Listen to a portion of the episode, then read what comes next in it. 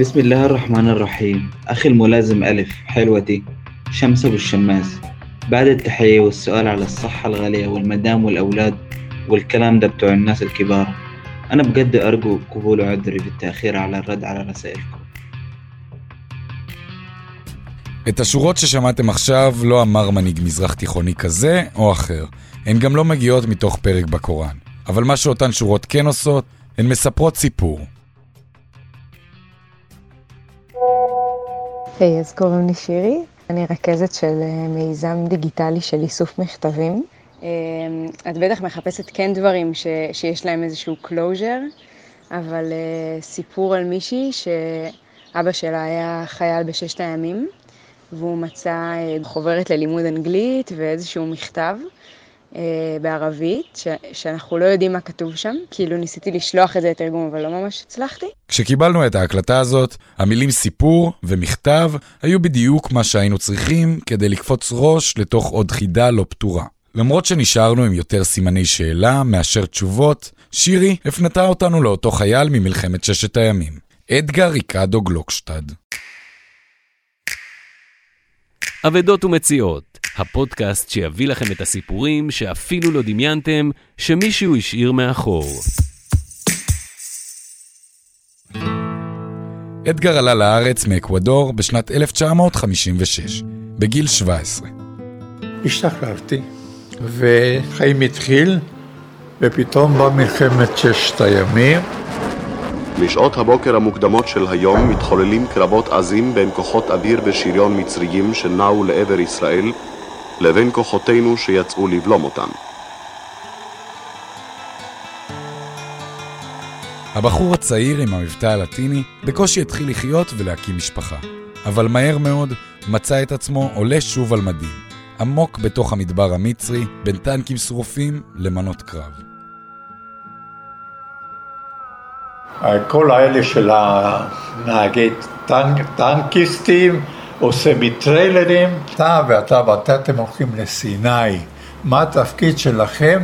לאסוף טנקים, לוגיסטיקה של הצבא, אתה אוסף את כל הטנקים, אוספים כל הטנקים בתותחים, כמויות אדירות. שם היה רכ, רכבים מפה עד פתח תקווה, מלא רכבים עזובים. היה לי עוד טנדר של איזה קצין, והייתי נוסע עם הטנדר לכיוון תעלת סואץ. והיה לי רכב של הצבא המצרי. אז הייתי בא, רואה טנק נכנס בפנים, מדליק, בדרך כלל תקף, כי הם היו ברחו, אז היה, אפשר היה להדליק, לוקח ריכוז.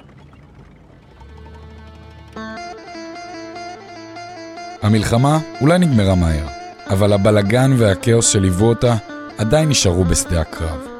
מתוך כל חוויות ושאריות המלחמה, יש חוויה אחת שנשארה עם אדגר גם שנים אחרי, עד היום. שהייתי עייף, היינו עייפים, לא רק אני, כל החיילים מוצאים טנקים וטנקים, ופתאום אני רואה טנק רוסי T-54 חדש. אני מתקרב ואני רואה חייל, חייל מצרי שכנראה רצה לצאת מהצריח ובדיוק חטף כדור פה בגב. את המראה הטרגי של אותו חייל מצרי, אדגר זוכר לפרטי פרטים. אני לא יודע אם זה היה אחרי יומיים. הוא היה הרוג, הרוג, הרוג, טוטאלי.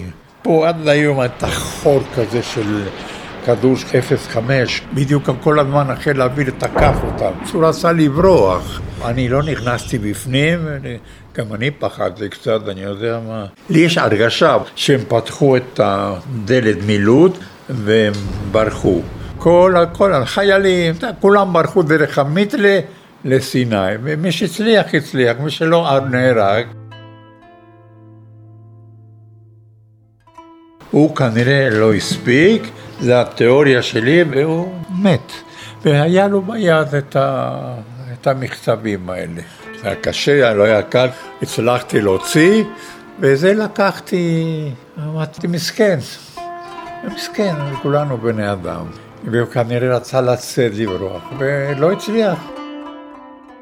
אתם בטח שואלים את עצמכם, מה יש לעולה חדש מאקוודור לעשות עם מכתב בערבית? דווקא בתוך מגרש הגודעות של הקרב, אדגר קיווה והאמין שיום יבוא, ובסוף כל המלחמות, יגיע גם השלום המיוחל, ואיתו סגירת מעגל. אולי, אמרתי, אולי יום אחד יהיה שלום. זה אני אמרתי, אנחנו נחפש את המשפחה של החייל הזה. 12 שנים אחרי שאדגר מצא את אותו מכתב, השלום המיוחל עם מצרים הגיע. אבל המכתב מעולם לא עשה את הדרך חזרה למצרים. קשיים בירוקרטיים וחוסר יכולת להגיע לשיתוף פעולה עם השלטונות המצרים גרמו לאדגר ומשפחתו לשים את העניין בצד. גם כשהחלטנו להיכנס תחת האלונקה ולנסות להשלים את המשימה של אדגר, צצו הרבה מכשולים שהפכו את המשימה לכמעט בלתי אפשרית. כדי להבין מה בכלל כתוב באותו מכתב, הצעד הראשון שלנו היה חייב להתחיל בתרגום הטקסט. בכל זאת, לא קל לתרגם מכתב בערבית עמוס בסלנג מצרי שנכתב לפני יותר מ-60 שנה. זה קודם כל, זה, זה מישהי ממצרים, בחורה. קוראים לה שמס, שמס א-דין פריד. עכשיו היא שולחת את הכתב, המכתב הזה לאח שלה במצרים. הוא פותח את המכתב במשהו כמו בסד כזה, אבל מוסלמי. ולקראת הסוף הוא כן כותב משהו כמו אהובתי, אה, אבל בגדול הוא כותב למשפחה. הוא כותב לאיזה מכר שלו שהוא עסוק בעבודה וגם מחוץ לעבודה. הוא כותב למישהו שנמצא בתימן, הוא אמר שאין לו כסף לשלם לו. ואז הוא כתב בסוף, תכתוב לי מכתב חזרה, או שאתה שולח לי בד או כסף. כשפנינו למתורגמנים שיוכלו לסייע לנו, קיבלנו מכל אחד ואחת מהם סיפור די שונה. חלקם הצליחו לתרגם רק תאים מסוימים. חלקם לא הבינו מי שלח את המכתב, ולאן. בסופו של דבר, כל אחד פענח את הטקסט בצורה אחרת. אחרי שהניסיונות לתרגום המכתב הביאו למידע לא מגובש, ולא הצלחנו להבין אפילו אם מדובר באישה או גבר, פנינו לג'קי חוגי, כתב לענייני ערבים של גלי צה"ל ובעל טור שבועי בעיתון מעריב. ג'קי, שבעצמו עסק כמה שנים לפני כן בפרויקט מיוחד בעקבות יומן של חייל מצרי ממלחמת יום הכיפורים, הצליח להביא לנו תרגום מדויק של המכתב. ביסמילה א-רחמן א-רחים. בשם אללה הרחמן הרחום. אחי, סגן א', זה יפה, לא? שמס אבו אל שמס. לאחר הברכות והשאלה על הבריאות היקרה שלך ושל האישה והילדים וכל הדברים שהמבוגרים כותבים במכתבים, נא קבל את התנצלותי כי איחרתי לענות על מכתביך. אני עסוק מאוד גם בעבודה וגם מחוץ לעבודה. אתה בטח מכיר איך עסוקים בעבודה, אבל מחוץ לעבודה אפשר לסכם זאת בשני משפטים, וזה שאחיך יש לו מזל בימים אלה בקשר לנשים. כלומר, יש לי שניים או שלושה דייטים ביום אחד. בטח זה מעצבן אותך. אתה בהחלט סובל עכשיו, מה אפשר לעשות? אנחנו תמיד מוכנים. אני רוצה לבקש ממך משהו. אודה לך אם תוכל, וגם אם לא, לקנות לי 4.35 מטר בד, כדי לעשות ממנו חליפת ערב לקיץ. אני יודע שאתה בתימן ואין כסף, אבל אם לא תוכל, אני בטח אסביר לך את העניין. נא לשלוח מכתב שתסביר בו אם זה אפשרי או לא. נא למסור דש לכל מי שאני מכיר, וגם למי שאני לא מכיר. במיוחד למי שאני לא מכיר. נ"ב, כתב היד שלי גרוע מאוד. זה מה שיש. אבל עם הלימוד זה ישתפר. במכתב הבא, בעזרת השם. אחיך המתגעגע מאוד, סגן א' עלי אל-סרגני. אחרי שקיבלנו את התרגום הנכון של המכתב, גילינו עוד פרטים ופיסות מידע. המכתב נשלח לכתובת של יחידה צבאית בתימן. שם שירת ככל הנראה אותו החייל במסגרת תפקידו, עד שנשלח לחזית המצרית לסייע בלחימה. כותב המכתב הוא אחיו של החייל, ששלח לו אותו מכתובת במצרים. מצרים היא מדינה ענקית, זו מדינה של 100 מיליון נפש, זה דבר שאנחנו לא יכולים לדמיין, ולך תמצא אזרח או משפחה מסוימת בתוך כל האוכלוסייה הזאת.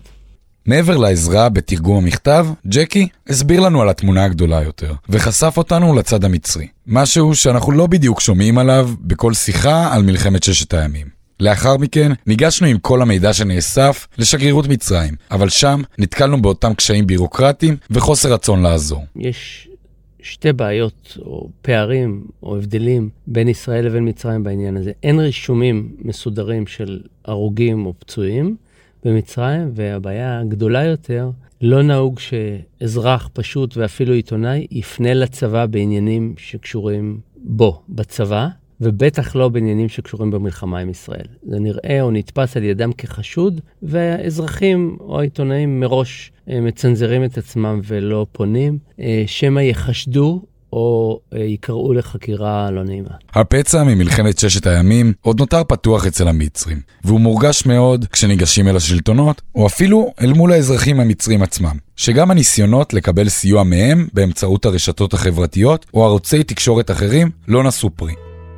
הפרופסור כאמל עבד אל-מלק, שהיה נער צעיר במצרים באותה תקופה, תמצת בצורה הטובה ביותר כמה ההפסד היווה השפלה אישית עבור כל מצרי. התפתח גל של בוז ובדיחות שהופנו נגד הצבא. חיילים נתקלו בלעג במקומות ציבוריים והפכו לידועים לשמצה. לאוכלוסייה המצרית נדרש זמן רב להתקומם נגד ההנהגה המושחתת שהביאה עליהם אסון בממדים מפחידים. העם המצרי הרגיש שהוא מאבד את מצרים. האתוס של המלחמה וכל מה שהותירה אחריה הוא נושא שנוי במחלוקת בשביל העם המצרי. למרות השלום בין המדינות, העיסוק בעבר הוא דבר שבמצרים מעדיפים לשכוח. עבורם, עבור המצרים, ששת הימים זו חרפה. הם הפסידו את סיני, בתוך כמה ימים אפילו, ואחרי כמה שנים של התגרויות בישראל מצד המנהיג שלהם גמל עבד נאסר, מצרים לא רוצה מגע הדוק אה, בין שני העמים, בין העם הישראלי לעם המצרי, היא רוצה שליטה על היחסים, לכן היא שומרת אותם רק בידי המשטר ולא משחררת. את זה, העובדה הזאת, כל פקיד ישראלי ומצרי או כל איש ביטחון שעוסק ביחסים עם מצרים יודע, המשטר רוצה את השלום הזה לעצמו. הוא לא מאפשר אה, יותר מזה. יש לזה סיבות אה, מדיניות והיסטוריות. הוא לא רוצה לתת לישראל פרס, הוא מחויב לתת לה שלום, אבל לא רוצה לתת לה פרסים מעבר לכך. הוא לא רוצה לאפשר לה חדירה לעולם הערבי. אם היו יחסים טובים אה, והרמוניים עם החברה המצרית לישראלים, אז בעצם ישראל הייתה, לשיטתם, חודרת לתוך העולם הערבי, וזה פרס גדול. מצרים רואה את עצמה כמתחרה של ישראל באזור, והיא אה, ידידה שלה ומממשת את הידידות איתה רק היכן שנוח לה, ולא איפה שנוח לישראל. העיסוק בעבר הוא לא דבר שרק המצרים מפחדים ממנו. לכולנו, העבר כמו העתיד הוא לעיתים מפחיד, ולוט בערפל. אבל דווקא מתוך ההסתכלות עליו, בחינת העובדות והכניסה למקומות הלא נעימים, דווקא שם מתחולל השינוי. דווקא שם אולי אפשר למצוא תקווה.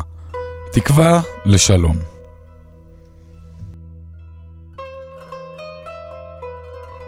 הייתי עם אשתי, הלכנו לטיול באקוודור.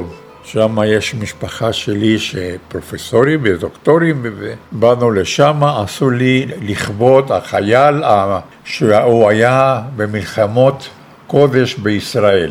ובא לשם, פתאום באה אשתו של איזה שר. אומרת, אדון אדגר, ספר לנו איך המלחמה, איך היה המלחמה. אני כאינטלקטואל חכם, אני אומר לו, תשמעי גברת, מלחמה זה לא טוב, לא לצד הזה ולא לצד שלנו.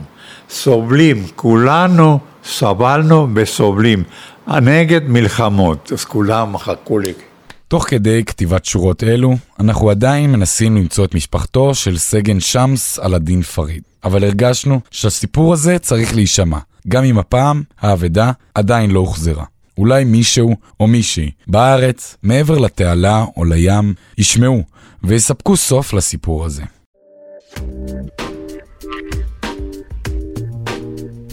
תודה שהאזנתם והאזנתן לפרק השלישי של אבדות ומציאות. אני גיא בלוך, איתי בצוות אלי שמעוני ומושיק מזרחי. אנחנו מזמינים אתכם ואתכן להאזין לפרקים הבאים בעמוד הספוטיפיי של רדיו כל הנגב במכללת ספיר.